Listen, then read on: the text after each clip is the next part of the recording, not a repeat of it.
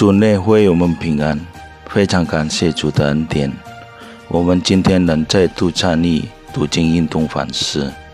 读经运动反思之前，请阅读本日读经运动的经文和请阅读本日读经运动的短诗。亲爱的弟兄姐妹平安。今天我们阅读经文是来自雅各书第三章。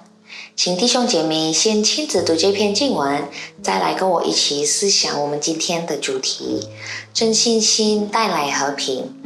我们一起低头祷告，亲爱的主，感谢你在我们生活上的看顾。今天我们再来到你的面前，要一起顺思你的话，求主将圣经中的真理赐给我们。使我们都能够明白你的话语和真理。奉主耶稣基督的名祷告，阿门。当我们看见基督教团体里的肢体发生争端时，我们会感到痛心不已。然而，现实的生活就是这样。古往今来，风筝志士屡见不鲜。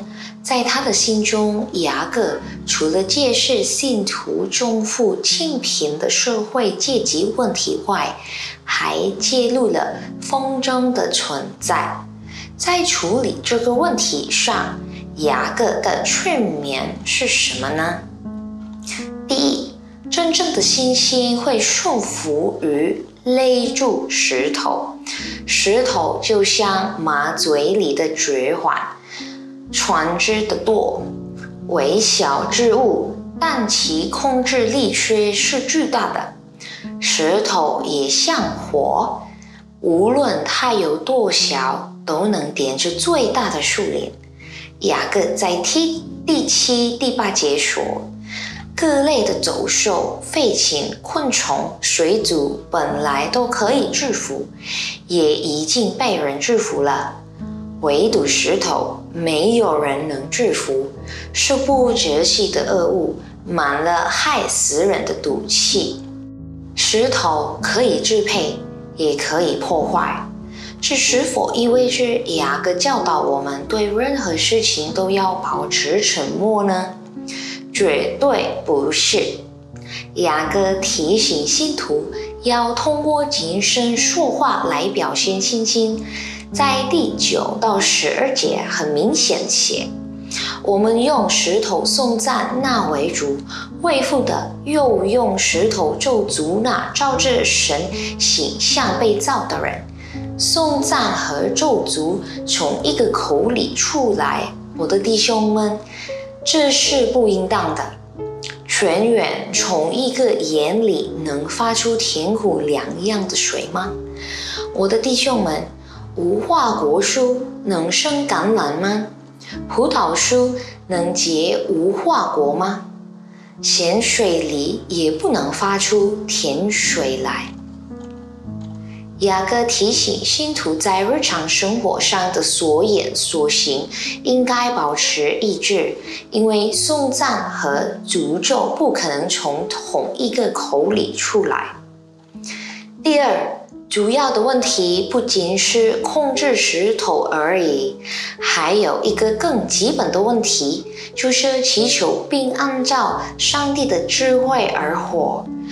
这也是解决争端的关键。嘴上所说的，岂不是反映内心的世界吗？我们若心里怀着苦毒的嫉妒、纷争、自夸。说谎话抵挡正道，那么我们是被属地的、属情欲的和属鬼魔的智慧所控制。它是嫉妒、纷争、搅乱和各种恶行的根源。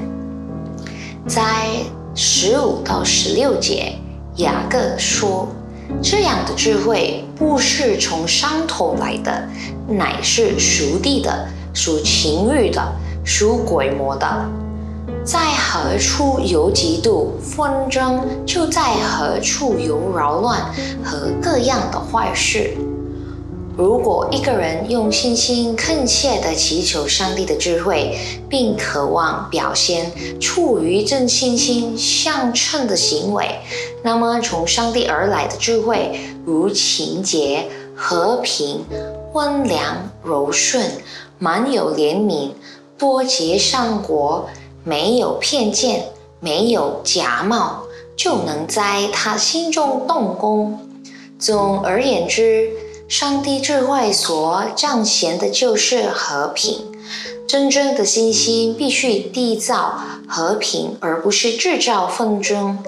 你所处的教会群体是否有立柱石头，亟待有和平的色彩来体现上帝的智慧呢？我们低头祷告，亲爱的天父，帮助我们能够有真信心带来和平，帮我们控制我们的石头，不嫉妒、纷争、自夸、说谎话。让我们能够跟所有在教会的弟兄姐妹有和平的关系。求你给我们智慧来面对每一个事情。谢谢主，奉主耶稣的名祷告，阿门。亲爱的弟兄姐妹，记得上帝与你们同在。每天起床时，记得先祷告，请上帝的帮助你们面对每一天生活挑战。再见。